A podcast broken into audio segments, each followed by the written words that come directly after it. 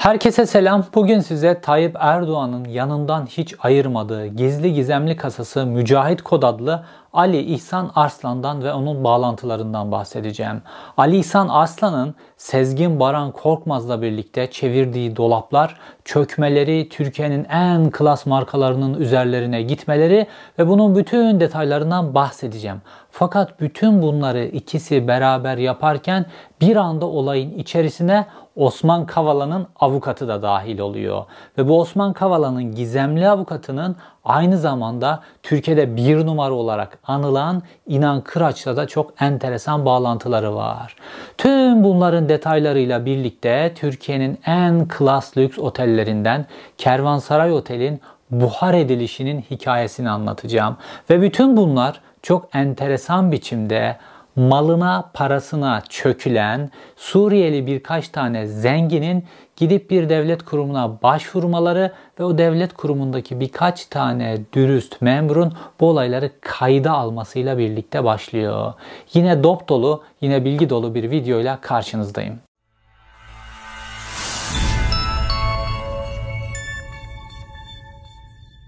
Mücahit Arslan kim ve Tayyip Erdoğan açısından neden önemli? Önce bununla başlamamız lazım. Şimdi Mücahit Arslan Ankara'da böyle Mücahit, Mücahit abi filan bu isimle sürekli olarak bilinir. Fakat gerçek ismi Ali İhsan Arslan ve şu anda Adalet ve Kalkınma Partisi'nden Ankara milletvekili. Fakat çok uzun yıllar ne milletvekili oldu ne kamuoyunun gözünün önünde görüldü. Sürekli olarak arka perdede durdu. Ve Tayyip Erdoğan'ın kasası olarak bilindi. Ta Tayyip Erdoğan'ın belediye başkanlığından hatta onun öncesinden itibaren Tayyip Erdoğan'a tahsis edilmiş bir manevi evlat adeta kendisi. Kim tarafından? Babası Mehmet İhsan Arslan tarafından. Şimdi babası Mehmet İhsan Arslan'ı biz nereden biliyoruz? Tayyip Erdoğan'ın Kürt politikasını geliştiren, Tayyip Erdoğan'a Kürt politikası öneren birkaç isimden bir tanesi. Hatta en önemli isim diyebiliriz. Özellikle Adalet ve Kalkınma Partisi'nin kuruluş yıllarında ve AKP'nin kuruluş döneminde partinin bütün finansmanı İhsan Arslan'dan geliyor. Mehmet İhsan Arslan'dan geliyor. Bu nedenle de oğlu Ali İhsan Arslan yani Kodat Mücahit Aslan'a bu sebeple Tayyip Erdoğan'ın kasası deniyor. Çünkü babasından aldığı paralarla Tayyip Erdoğan'ın bütün o seçim sürecinin finanse edilmesi ve Adalet Kalkınma Partisi'nin ilk döneminin finanse edilmesi işlerini tamamen o hallediyor. Sonrasında bir evlat gibi Tayyip Erdoğan'a tahsisli olarak devam ediyor hayatına. Ta ki son dönemde bir anda Adalet ve Kalkınma Partisi'nden Ankara milletvekili olana kadar. Ondan sonra kamuoyunda biraz daha görünür hale gelmeye başladı. Şimdi bu Ali İhsan Aslan'la e, Sezgin Baran Korkmaz arasında çok enteresan bağlantılar var. Neden? Çünkü Sezgin Baran Korkmaz böyle kamuoyunda bir anda Robin Hood gibi bir algıyla tanıtılmaya başlandı. Kim tarafından? Yandaş medya tarafından, Tayyip Erdoğan'ın kontrolündeki medya tarafından, özellikle Sabah ATV grubu tarafından. Sürekli olarak yapılan propaganda şuydu. Sezgin Baran Korkmaz yurt dışından fonlar buluyor Türkiye'deki zor durumdaki şirketlere yardım ediyor. Zor durumdaki şirketleri kurtarıyor, ayağa kaldırıyor. Ve Sezgin Baran Korkmaz açık açık şöyle röportajlar veriyordu. Zorda kalan şirketleri kurtarıyoruz, yerli şirketleri kurtarıyoruz, güçlendiriyoruz şeklinde. Oysa hadisenin bununla hiç ilgisi yok. Bunlar zorda kalan şirketlere çöküyorlar. Fakat zorda kalan şirketlerin bilgisini nereden alacaklar? İşte kritik nokta bu. Bütün dolandırıcı hikayelerinde size Ahmet Nazari'yi anlattım ya. Ahmet Nazari'nin ihtiyacı olan şey ne? Kim işte borsada işlem yapıyor, kim sürekli kripto parasını borsasında oynuyor vesaire. Bu kişilerin finansal bilgilerini alması lazım ki o işlere meyilli adamları dolandırsın. Hiç borsayla işi olmayan filan adamı dolandırmak zor ama o işlere biraz yatırım yapmış adam kolay. Bunlar da Aynı şekilde zorda kalmış şirketleri, kredilerini ödemek zorunda olan şirketlerin bilgilerini Sezgin Baran Korkmaz'ın kucağına bırakıyorlar. E işte bu mekanizmanın kurulmasındaki en kilit isimlerden bir tanesi Ali İhsan Arslan, kod isimle Mücahit Aslan. Neden? Çünkü Ali İhsan Aslan'la yani Mücahit Aslan'la Sezgin Baran Korkmaz birlikte bir varlık yönetim şirketi kuruyorlar. Normalde BDDK'dan Bankacılık Düzenleme Kurulu'ndan bir varlık yönetim şirketi izni almak o kadar zor ki Bununla ilgili finansal geçmişiniz çok temiz olacak, sermaye yapınız inanılmaz kuvvetli olacak. İşte bununla ilgili personeliniz olacak. Ondan sonra bu finansal piyasalarda bir geçmişiniz, derinliğiniz olacak. Olacak da olacak. Fakat Sezgin Baran Korkmaz hakkındaki bu kadar şaibeye rağmen bir anda ortaya çıkmış olmasına ve sermaye yapısının inanılmaz karanlık olmasına rağmen bir anda bu izni alıyor. Hangi isimle? Garanti Varlık Yönetim Şirketi ismiyle. Garanti Bankası'na ne kadar benziyor biliyor musunuz? İşte zaten dananın kuyruğunun koptuğu noktada burası. 2017 senesinde Garanti Varlık Yönetim AŞ isimli bir şirket kuruluyor. Neden Garanti ismini kullanıyorlar? Çünkü Garanti Bankası piyasada çok büyük bir banka ve Garanti Bankası'nın büyüklüğü ölçeğinde Garanti Bankası'ndan kredi kullanan, Garanti Bankası'yla finansal ilişkilere giren fakat zorda olan şirketlerin sayısı çok fazla ve bu şirketlerin bilgilerini devlet imkanlarıyla alıp getirip Sezgin Baran Korkmaz'ın kucağına bırakıyorlar. Ve ondan sonra vurgun mekanizması, şirketlerin sıkıştırılması, şirketlerin borçlandırılması, şirketlerle alacak verecek kişi ilişkileri içerisine girilmesi vesaire. Bütün bunların o vurgun mekanizmasını nasıl sofistike biçimde yaptıklarını ve nerelere çöktüklerini falan birazdan anlatacağım. Fakat önce şirketlerin hangi şirketlerle bunları yaptıklarını ve hangi isimlerle bunları yaptıklarını anlatmam lazım ki taşlar yerine otursun. Şimdi bu Garanti Varlık Yönetim AŞ'yi bu şekilde kurup Garanti Bankası'nın marka ismini, Garanti Bankası'nın bilinirliğini kullanmak istiyorlar. Fakat bir biçimde Garanti Bankası bundan dolayı uyanıyor ve Garanti Bankası'nın şikayeti neticesinde Garanti Varlık Yönetim AŞ kadük kalıyor. Yani 2017'de kuruluyor ve 2018'de faaliyetlerini durdurmak zorunda kalıyorlar. Bu isim benzerliğine Garanti Bankası'nın uyanması nedeniyle. Hemen yeni bir şirket kuruyorlar. Armada Varlık Yönetim AŞ. Bakın Normalde bir varlık yönetim şirketi izni dediğim gibi BDDK'dan almak o kadar zor ki buna kuruyorlar tak diye alıyorlar onu kapatıyorlar tak kuruyorlar bir daha alıyorlar. Armada Varlık Yönetim AŞ'yi 2018 yılında kuruyorlar. Bunların evraklarını zaten ekranda gösteriyorum size. 2018 yılında kurduktan sonra başlıyorlar zorda olan şirketleri sıkıştırma işlerine. Fakat Şimdi ekranda da gördüğünüz gibi kendi isimlerine kurmuyorlar. Neden kendi isimlerine kurmuyorlar? Çünkü Sezgin Baran Korkmaz da alemde bilinen bir isim. Mücahit Aslan da alemde bilinen bir isim. Ali İhsan Aslan ismiyle alemde bilinen bir isim. Kendileri paravan, yedi emin olarak, yedi emin olarak öne sürdükleri iki tane isim var. Şimdi evraklarda da sözleşmelerde de bu isimleri görüyorsunuz. Sezgin Baran Korkmaz'ın yedi emini kardeşi Aysel, Aysel Korkmaz Yatkın. Bunu kendisi 7 emin olarak oraya yerleştiriyor ve Aysel Korkmaz Yatkın normalde avukat olarak biliniyor. Bununla ilgili detayları da size gösteriyorum. Peki Mücahit Aslan'ın 7 emini kim? Mücahit Aslan'ın 7 emini de Riyad Yurtseven. Ve 2018'de SBK kendi 7 eminini, Ali İhsan Aslan kendi 7 eminini koyarak bu şirketi kuruyorlar. Şimdi baktığımızda bu Riyad Yurtseven kim? Böyle Ali İhsan Aslan'ın 7 emini olsun, Mücahit Aslan'ın 7 emini olabilsin. Bu Riyad Yusseven'e baktığımızda tek işi var bu genç çocuğun. Mücahit Aslan'ın, Ali İhsan Aslan'ın yani sosyal medya paylaşımlarını öne çıkarmaya çalışmak. Sürekli olarak işi, gücü Ali İhsan Aslan'ın tweetlerini RT etmek, onun sosyal medya işlerini yapmak ve bu Riyad Yurtseven'in geçmişine de baktığımızda çulsuz bir çocuk normalde. Böyle bir tane varlık yönetim şirketi kurup gidip BDDK'dan izin alabilecek falan böyle ne bir maddi varlığı ne bir gücü var ne bir geçmişi var ne tecrübesi var. Cahil bir tane çocuk. İşi gücü Ali İhsan Aslan'ın tweetlerini RT etmek. Böyle bir çocuk. Fakat Armada Varlık Yönetim e, e, Şirketi diye AŞ diye bir şirketin yönetim kurulundaki iki numaralı isim. Bu neyi gösteriyor bize? Yedi emin olduğunu, emanetçi, paravan olduğunu gösteriyor. Bu çocuğun üzerine bu işi kuruyorlar. Bu çocuk nasıl Mücahit Aslan Tayyip Erdoğan'ın gizli kasasıysa bu çocuk da Mücahit Aslan'ın emanetçisi şeklinde yani paravanlar paravanları paravanlar paravanları kullanıyor. Bu şekilde bunlar Armada Varlık Yönetim AŞ'yi kuruyorlar ve bunun üzerinden pek çok zorda olan şirketin e, bilgileri ellerinde oldukları için bu şirketlerin üzerine gidip sofistike yöntemlerle bu şirketlerin bütün varlıklarına çökme sürecini yürütüyorlar. Fakat Osman Kavala'nın avukatı nereden bu işin içerisine girdi? İşte burası çok enteresan. Şimdi bu tip varlık yönetim şirketleri böyle sürekli olarak şirketlere çöktüğü falan için bunların isimleri çok hızlı biçimde kirlenir. Ve piyasada isimleri çok hızlı biçimde çıkar ve zordaki şirketler filan piyasadan duydukları için hemen gartlarını alırlar. Ve 2 sene sonra kurulduktan 2 sene sonra 2018 yılında e, kuruluyor. 2020 yılında çok ilginç biçimde bu Armada Varlık Yönetim AŞ Osman Kavala'nın yani Tayyip Erdoğan'ın baş düşmanı, Gezi sürecinin yöneticisi, Tayyip Erdoğan hatta Gezi sürecine darbe diyor.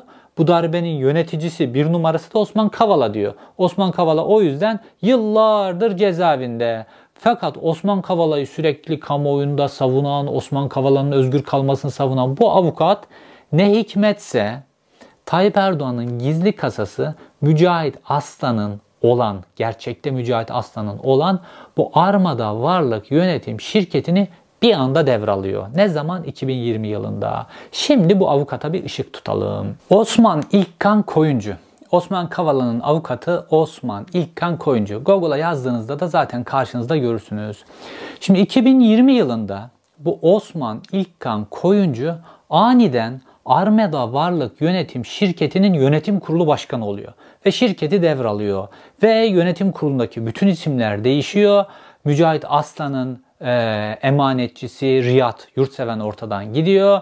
Sezgin Baran Korkmaz'ın kız kardeşi gidiyor ortadan kalkıyor ve tamamen Osman İlkan'ın yönetimine geçiyor. Tamamen bu şirket. Şimdi burası çok enteresan. Yani Osman Kavala'nın avukatlığını üstlenmiş ve Osman Kavala'nın avukatlığını bir aktivist gibi de üstlenmiş. Gezi sürecine karşı böyle Erdoğan'a çok karşısında duran söylemler geliştiren bu avukat nasıl oluyor da Tayyip Erdoğan'ın en yakınındaki isim Mücahit Aslan'la böyle bir ticari ilişki içerisine giriyor. Fakat bu kadar mı? Bununla sınırlı değil. Bir de İnan Kıraç diye bir adamımız var değil mi? Çeşitli videolarımda anlattım ben size.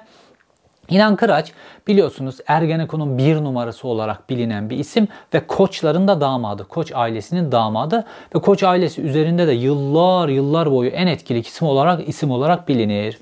Bu İnan Kıraç aynı zamanda Türkiye'nin siyaseti üzerinde de çok etkili bir isimdi ve özellikle generallerin Türkiye'de çok etkili olduğu dönemlerde İnan Kıraç'ın karşısında orgeneraller neredeyse hazır olda dururlardı. İnan Kıraç böylesine perdeler arkasındaki baron gibi bir adamdı İnan Kıraç. Fakat yaşlandı, yaşlandı. Şimdi onun yerine muhakkak başka birisi gelmiştir. Şimdi bu İnan Kıraç'ın Karsan denen otomotivle ilgili bir şirketi var. Çok önemli bir şirket Türkiye açısından.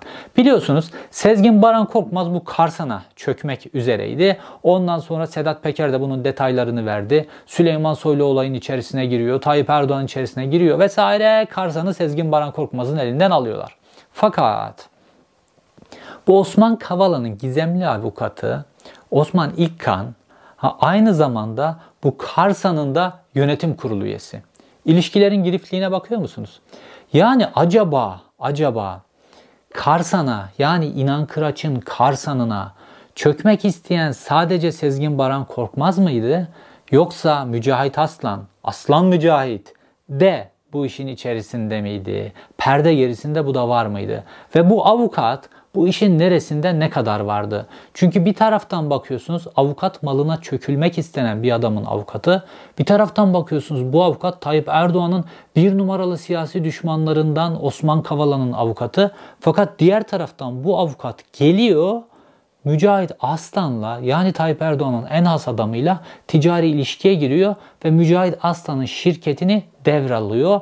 Varlık Yönetim Şirketi Armada Varlık Yönetim AŞ'yi devralıyor ve şu anda halen bakarsanız oranın yönetim kurulu başkanı. Şimdi dediğim gibi Varlık Yönetim Şirketi ruhsat almak Türkiye'de o kadar zor ki sadece bu ruhsat bile başlı başına bir değer. Şimdi bu ilişkiler bu kadar girift şekilde. Fakat bizim bu videoda esas odak noktamız bu ilişkiler tabii ki aydınlatılmalı vesaire bütün derinliği aydınlatılmalı. Fakat esas odak noktamız Tayyip Erdoğan'ın bu gizemli ismi Mücahit Aslan, sürekli kod isim kullanan bu Mücahit Aslan'ın Sezgin Baran Korkmaz'la ilişkileri. Şimdi adım adım gelelim. Sezgin Baran Korkmaz'la Mücahit Aslan nasıl bir çökme mekanizması kurmuşlar, nerelere çökmüşler, bu çökme işlerini Suriyeli mülteciler nasıl kaderin cilvesiyle ortaya çıkarıp kayda geçirmiş vesaire. Bütün bunların detaylarına gelelim şimdi. Türkiye'de çok büyük montanlı, büyük vurgunlar yapabilmeniz için muhakkak siyasetin içerisinde bir ayağınızın olması lazım. İşte Sezgin Baran Korkmaz'ın siyaset içerisindeki ayağını inşa eden isim Mücahit Aslan. Sezgin Baran Korkmaz Mücahit Aslan'la tanıştıktan sonra İkinci aşamada Mücahit Aslan Sezgin Baran Korkmaz'ı götürüyor ve Berat Albayrak'la tanıştırıyor. Neden? Çünkü o süreçte Berat Albayrak ekonomiden sorumlu bakan ve Türkiye'deki işte bankalar, mankalar filan hepsinin sorumluluğu Berat Albayrak'ta. Ve finans kuruluşları, kişilerin ekonomik bilgileri, onlar bunlar BDDK'nın vereceği lisanslar her şey Berat Albayrak'tan dönüyor. Mücahit Aslan bu bağlantıyı kurduktan sonra Sezgin Baran Korkmaz için Sezgin Baran Korkmaz patır patır patır varlık yönetim şirketleri kurmaya başlıyor. İşte sürekli en çok konuşulan varlık yönetim şirketlerinden bir tanesi Mega Varlık, diğeri Armada Varlık. Bunların ikisini kurduktan sonra zorda kalan şirketlerin üzerine çökmeye başlıyorlar. Şimdi normalde dünyada Bakın bu pandemi döneminde gördük. Dünyada pek çok havayolu şirketi, dev şirketler vesaire bunlar zor durumda kaldı. Ya da geçmişte bazı mesela Amerika'daki krizde filan bazı şirketler böyle büyük finans şirketleri ya da başka şirketler zor durumda kaldı. Devletler bu köklü şirketlerini yaşatmanın, ayağa kaldırmanın yoluna bakarlar. Hatta o ülkedeki sendikalar bile bu şirketlerde bir varlık, bir e, verimlilik geriliği olursa vesaire bu şirketleri verimli hale getirmeye çalışırlar ki sendika üyesi işçiler işlerini kaybetmesinler. Yani devlet zorda kalan şirketleri ayağa kaldırmak, desteklemek görevini yapması gerekirken devletin içerisinden bu zorda kalan şirketlerle ilgili bilgileri getirip Sezgin Baran Korkmaz'ın bütün bu kurduğu mekanizma üzerinden, siyasi mekanizma üzerinden Sezgin Baran Korkmaz'a veriyorlar. Peki Sezgin Baran Korkmaz'ın sadece siyasi ayağında Mücahit Aslan ve Berat Albayrak mı var? Yok.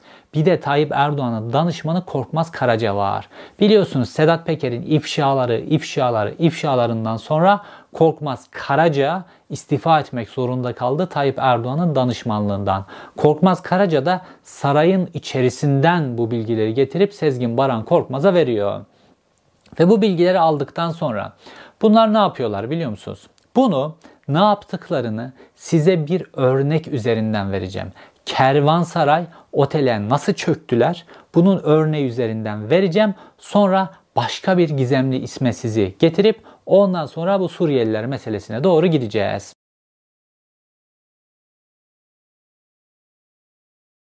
Kervansaray Otel Türkiye'nin en lüks klas otellerinden, büyük otellerinden bir tanesi. Bu Kervansaray Otel Selim Sayılgan'a ait bir otel. Babasından devraldığı bir sistem. İşte çok başarılı bir iş adamı baba ve işleri biraz karıştıran, çıkmaza sokan bir evlat hikayesi.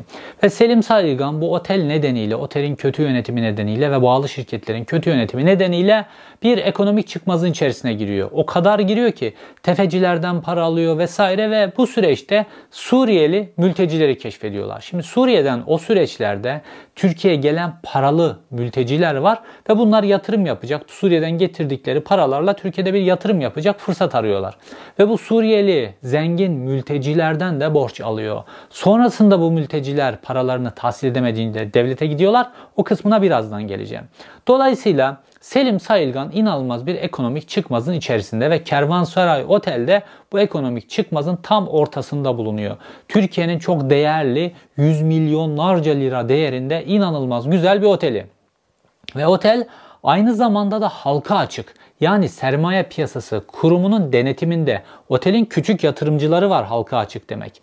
Dolayısıyla SPK'nın bu oteli denetlemesi lazım. Fakat otel borçlarını ödemiyor çıkmazda. İşte burada otelin çıkmazda borçlarını ödeyemediği bir şekilde bir şekilde değil. Tabii ki devlet içerisinde işte bu Mücahit Aslanların kurduğu mekanizma tarafından Sezgin Baran Korkmaz'a söyleniyor.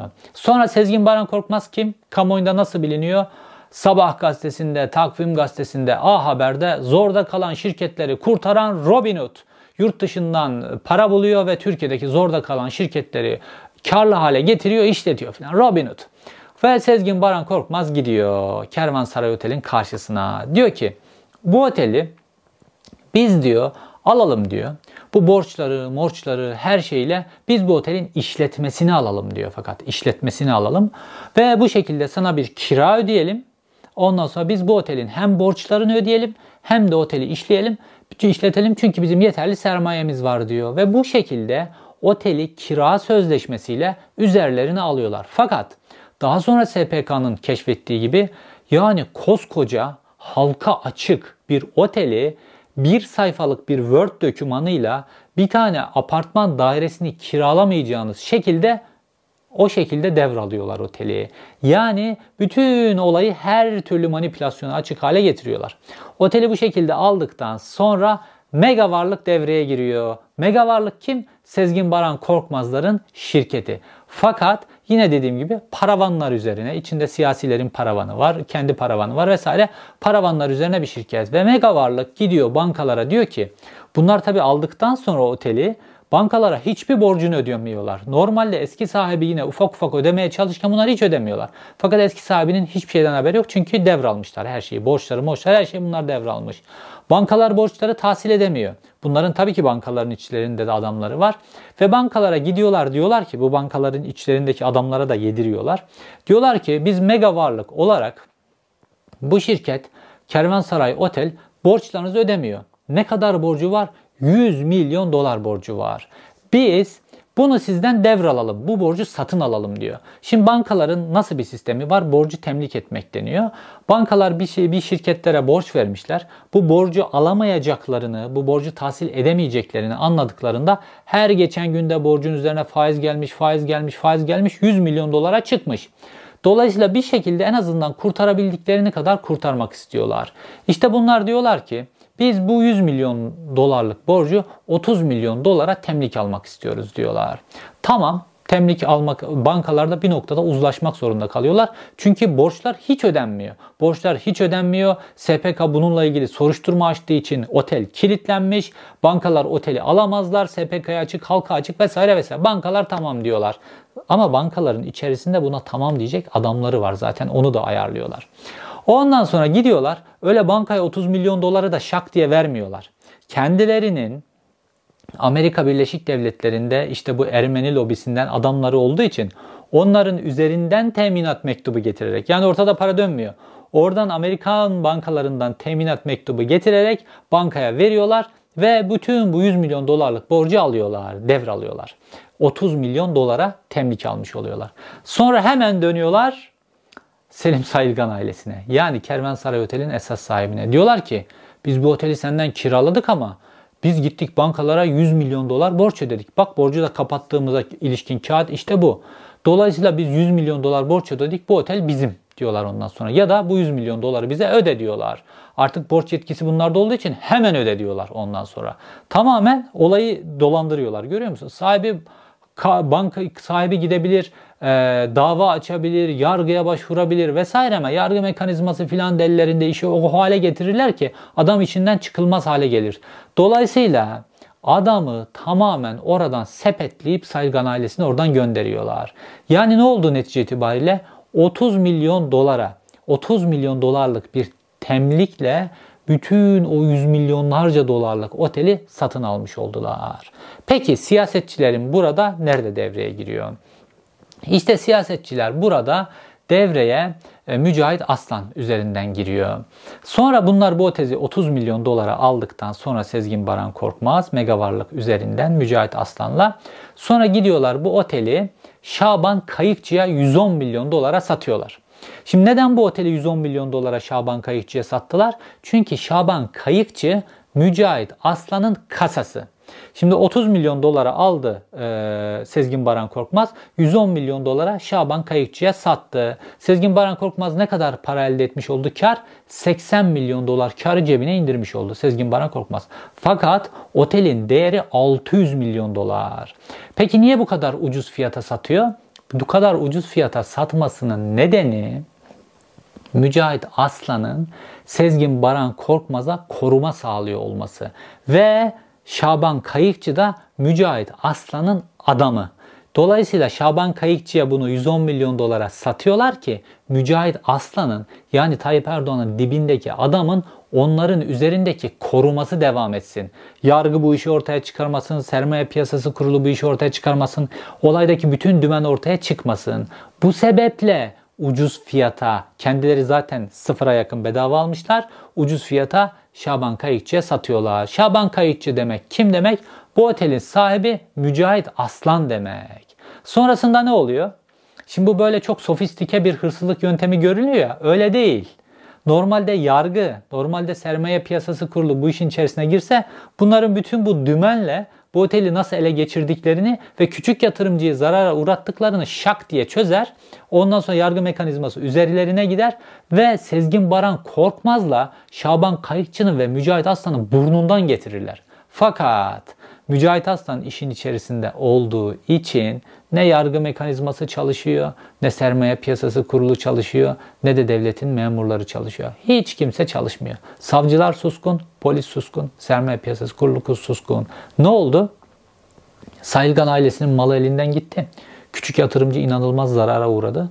Türkiye'nin çok önemli bir oteli hiç hak etmeyen insanların eline gitti. Ne oldu?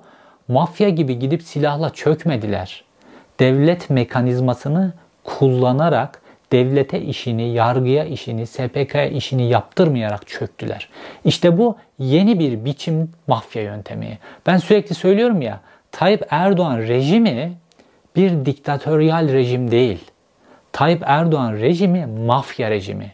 Bunlar Tayyip Erdoğan ta o Kasımpaşa'da mafyalığı öğrendi ya. Sonra devletin yönetimine geldi şu an es geçmişte sokakta Kasımpaşa'dayken mafyalığı silahla bıçakla yaparken şu an devletin başında olduğu için mafyalığı devletin kurumlarını kullanarak yapıyorlar. Yani bunlar devleti mafyaya çevirdiler ve kendi halklarına çöküyorlar. Şimdi o küçük yatırımcı gitsin. Kimi kime şikayet edeceksin? Sayılgan ailesi gitsin. Kimi kime şikayet edeceksin? Hiçbir şey yapamazsın. Çünkü bütün mekanizmalar mafyanın elinde. Şimdi gelelim e, bu olayın nasıl devletin kayıtlarına geçtiği ve gelecekte bir yargılamayı beklediği kısmına. Kervansaray Otel Şaban Kayıkçı tarafından yani aslında Mücahit Aslan tarafından alındıktan sonra ismi hemen değiştirilip Duja Bodrum oluyor. Şu an baktığınızda Duja Bodrum olarak geçiyor Kervansaray Otel'in ismi ve bu meşhur Paramount Otel var ya bütün hadiselerin patlak verdiği, bütün pisliklerin ortaya çıktığı Paramount Otel'in hemen arkasında ve Tayyip Erdoğan'a ait olduğunu bildiğimiz fakat o da başka bir paravanın üzerine Fettah Tamince'nin üzerine gözüken Rixos Oteli'nde Rixos Bodrum'unda hemen komşusu. Yani Duja Bodrum yani Kervansaray Otel çok kritik bir noktada bulunuyor. Rixos ve Paramount Otel'in hemen arkasında. Şimdi baktığımızda bütün o yarım adayı ele geçirmiş durumdalar. Paramount Otel'in üzerine çöktüler. Paramount Otel'in gerçek sahibi olan Yasemin Uras Paramount Otel'i almak için yargı mücadelesi veriyor. Kendi malını geri alabilmek için yapmadığı şey kalmadı. Fakat sürekli olarak önüne yargı duvarları, yargı duvarları örünüyor. Ve işin içerisinden, bu pisliğin içerisinden çıkan isimlere baktığımızda da hep aynı isimler. Yine benzer isimler sürekli olarak Paramount Otel'de de çıkıyor. Bu Duja Bodrum meselesinde de öyle. Kervansaray Otel, Duja Bodrum'un öncesindeki ismi ve ona da baktığımızda Şaban Kayıkçı, Mücahit Aslan, Sezgin Baran Korkmaz vesaire. Paramount'ta da Sezgin Baran Korkmaz var zaten. E, yan taraflarındaki komşu Rixos. Bodrum'un en güzel yerleri. Rixos Otel, Fettah Tamince'nin üzerine gözüküyor ama aslında Bilal Erdoğan'ın. Bunu herkes biliyor. Dolayısıyla Bodrum'un en güzel yerine, en güzel koylarının bulunduğu yere bu şekilde bütün çete mafya çökmüş vaziyette. Ama bu Şaban Kayıkçı sürekli olarak gölgede kalmayı beceriyor. Fakat Şaban Kayıkçı'yı çok önemli yerlerde görüyoruz biliyor musunuz? Şaban Kayıkçı ile ilgili böyle ta İran hattına uzanalım birkaç bilgi verelim ondan sonra döneceğiz ana konumuza. Şimdi bu Şaban Kayıkçı torba böyle Bodrum torbanın en renkli simalarından bir tanesi kuşkusuz. Tabi bu gübre taş denen bir firma vardı biliyorsunuz. Gübre taş firması 2008'de yaklaşık 700 milyon dolara İran'dan bir petrokimya tesisi satın aldı Razi. Ondan sonra bu petrokimya tesisi satın alınmadan önce satıştan 4 ay önce Şaban Kayıkçı Asya Gaz diye bir firmaya ortak oluyor. Ve dolayısıyla bu İran'daki gübre fabrikasına işte Orta Doğu'nun filan en büyük gübre fabrikası ona ve işte petrokimya tesisine vesaire bunlarla ortak oluyor. Sonrasında fırtına gibi devam ediyor Şaban Kayıkçı'nın işleri. Bir denizcilik şirketi kuruyor. Arabistan'da enerji yatırımları yapılıyor. Kocaeli'nde 10 bin konutluk bir proje yapıyor. Haliç Port'ta Fettah Tamince ile ortak oluyor. Ondan sonra hemen tak diye ikametgahını Dubai'ye aldırıyor ve ikametgahı hala Dubai'ye de gözüküyor. Ve ta ki 2018 yılında Sezgin Baran Korkmaz'dan Kervansaray Oteli satın alıp onu Duca Bodrum yapması vesaire vesaire. Halen daha Şaban Kayıkçı malına mal katıyor. Fakat Şaban Kayıkçı'nın malı kimin? Şaban Kayıkçı'nın malı Mücahit Aslan'ın. Mücahit Aslan kim? Tayyip Erdoğan'ın gizli kasası. Silsile halinde paravan, paravan, paravan, paravan. Mücahit Aslan'ın bile paravanları var. Şimdi gelelim bu SPK kısmına olayın. Çünkü devlet bütün devletin dürüst mamurları bütün bir dolabı tespit etmişler. Nasıl mı? Şimdi bu Selim Sayılgan ailesi yani Kervansaray Otel'in ilk sahibi. Bu dediğim gibi Suriyeli zenginlerden de borç alıyor. Pek çok kişiden borç aldığı gibi. Fakat Suriyeli zenginler borç verdikten sonra ne otelden bir kar elde edebiliyorlar, senetle borç vermişler, ne senetlerinin zamanı geldiğinde ödeniyor. Hiçbir şey olmuyor. Hatta Selim Sayılgan'a ulaşamaz hale geliyorlar. Ondan sonra gidiyorlar SPK'nın kapısını çalıyorlar. Neden sermaye piyasası kuruluna gidiyorlar? Çünkü Kervansaray Otel halka açık bir otel. Ve SPK'nın kapısını çaldıktan sonra diyorlar ki böyle böyle bunlar senetlerimiz. Biz bu adama borç verdik. Şimdi bu adama ulaşamıyoruz. Bu şirket halka açık SPK. Bunun karından marından filan neyse ondan sonra biz paramızı tahsil etmek istiyoruz diyorlar. Ondan sonra SPK bakıyor ki bu Kervansaray Otel üzerinden yani halka açık bir şirketten mal kaçırılıyor. Halka açık şirketten mal kaçırılmak ne demek biliyor musunuz? O şirkete hisseleri oranında ortak olan borsada küçük yatırımcıların cebinden para çalmak demek. Ve SPK bunu tespit ettikten sonra araştırmaya başlıyor. SPK'nın memurları daha böyle üst yönetim bunu bilmiyor. Normal alttan süren bir araştırma. SPK'nın memurları araştırmaya başladıkça Sezgin Baran Korkmaz ismiyle karşılaşıyorlar. Ve Sezgin Baran Korkmaz'ın bu Kervansaray Oteli bir sayfalık A4 kağıdıyla bir ev bile kiralamayacağınız şekilde halka açık devasa bir oteli kiraladıklarını tespit ediyorlar. Ondan sonra ya kim bu Sezgin Baran Korkmaz? O dönem daha kamuoyu falan hiç bilmiyor. Ve Sezgin Baran Korkmaz'ı sermaye piyasası kuruluna görüşmeye davet ediyorlar. Sezgin Baran Korkmaz sermaye piyasası kuruluna geliyor. O zamanlar daha böyle kamuoyunda böyle ciks filan da kırmızı takım elbise giyip ortalarda dolaşan bir tip. Ondan sonra Sezgin Baran Korkmaz sermaye piyasasına geliyor ve arkasında siyasilerin gücünü olduğunu hissettirecek biçimde böyle hakarete amiz böyle posta koyarak siz bana kim oluyorsunuz da soru koyarak filan konuşuyor. Ama memurlar geri adım atmıyorlar. Ve Sezgin Baran Korkmaz'a sorular soruyorlar, sorular soruyorlar, sorular soruyorlar. Ve Sezgin Baran Korkmaz'dan sonra bu meşhur Levron ailesi var ya bu Sezgin Baran Korkmaz'la birlikte Amerika'daki bu Levron ailesinin de bu işin Ermeni olan ailenin de bu işin içerisinde olduğunu görüyorlar. Çünkü otelin kiralanmasındaki o e, garantör olan kağıtları getirip veren ailelerden bir tanesi. Onları da çağırıyorlar görüşmeye SPK fakat onlar gelmiyorlar. Ondan sonra SPK'nın görevlileri böyle iğneyle kuyu kaza kaza kaza bütün bu dümeni ortaya çıkartıyorlar. Ve 2018 yılında bu Kervansaray Otel'e nasıl çöküldüğüne ilişkin bir raporu şekillendire şekillendire bu raporu şekillendiriyorlar netice itibariyle ve kayıtlara geçiriyorlar. Fakat ne oldu? Hiçbir şey olmadı. Neden? Çünkü bu raporu devletin dürüst memurları yazdıktan sonra ne oluyor? Sermaye piyasası kuruluna gidiyor. O kurulun üyeleri ondan sonra bu raporu onaylayacaklar. Sonra gereğinin yapılması için suç duyurularında bulunmaları lazım. Ondan sonra sermaye piyasası kurulunun verdiği yetkiler de inanılmaz sert. Mal varlığına el koymalar, banka hesaplarını dondurmalar, kişilerin tutuklanması için savcılığa yazı ana acayip güçlüler. Fakat ne oluyor? Kurulun tepesi hiçbir şey yapmıyor. Neden? Çünkü o noktada Mücahit Aslan devreye giriyor. Mücahit Aslan çünkü otelin gerçek sahibi zaten. Sezgin Baran Korkmaz'ı da koruyor. Şaban Kayıkçı'yı da koruyor. Oteli de koruyor. Kazık küçük yatırımcıya giriyor. Kazık Kervansaray Otel'in aslında otelde bu duruma düşmesine neden olan zengin, iyi iş adamı babanın miras yeri evladına oluyor ve onun ailesine oluyor. Otel buharlaşıyor. Yüz milyonlarca dolar değerindeki oteli bu şekilde buharlaştırıyorlar. Peki bütün bu hadisenin sonunda biz ne görüyoruz? Bütün bu hadisenin sonunda biz şunu görüyoruz. Erdoğan rejiminin, bu rejimin içerisinde böyle sadece bu vurgunları yapan, kamunun malına çöken, Türkiye'nin önemli değeri özel sektör yatırımlarına çöken, halka açık şirketlere çöken, sadece Tayyip Erdoğan filan değil. Bu rejimin bütün unsurları var ya, böyle gölgeler içerisinde yaşayan unsurlar vesaire. Bu bütün saydığım isimler bunlar hepsi de paylarını alıyorlar. Onlar ve onların paravanları. Tayyip Erdoğan'ın nasıl böyle gizli kasaları falan varsa bu paravanların da kendi altlarında gizli kasaları var. Ve çökmeler öyle böyle değil. Çok büyük miktarda çökmeler yaşanıyor.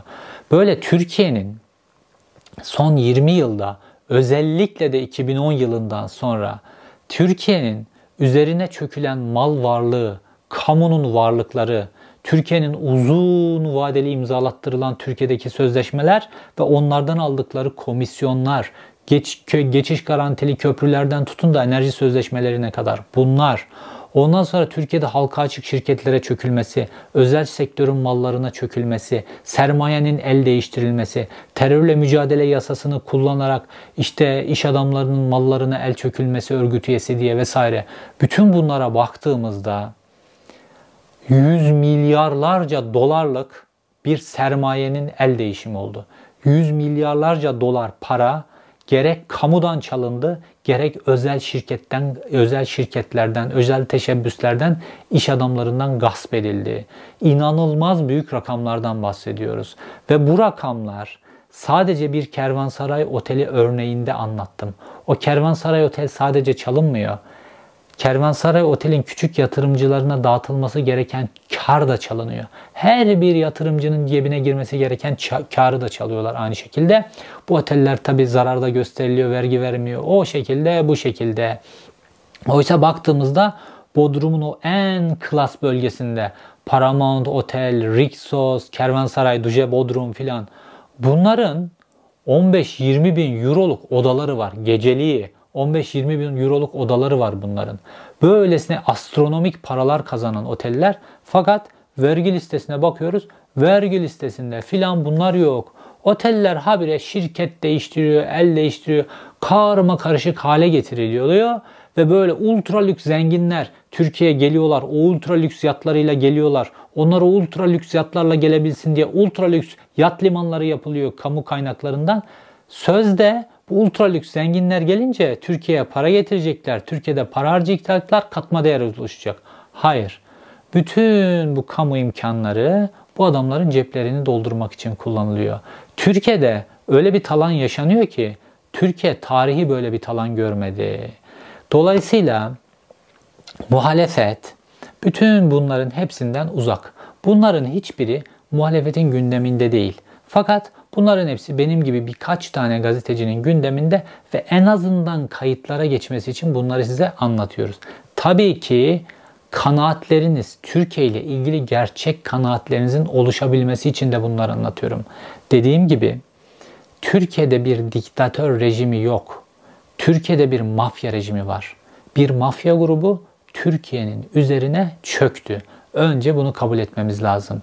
Ve mafyadan hangi yöntemlerle kurtululması gerekiyorsa mücadelenin öyle örgütlenmesi lazım. İzlediğiniz için teşekkür ederim. Bir sonraki videoda görüşmek üzere.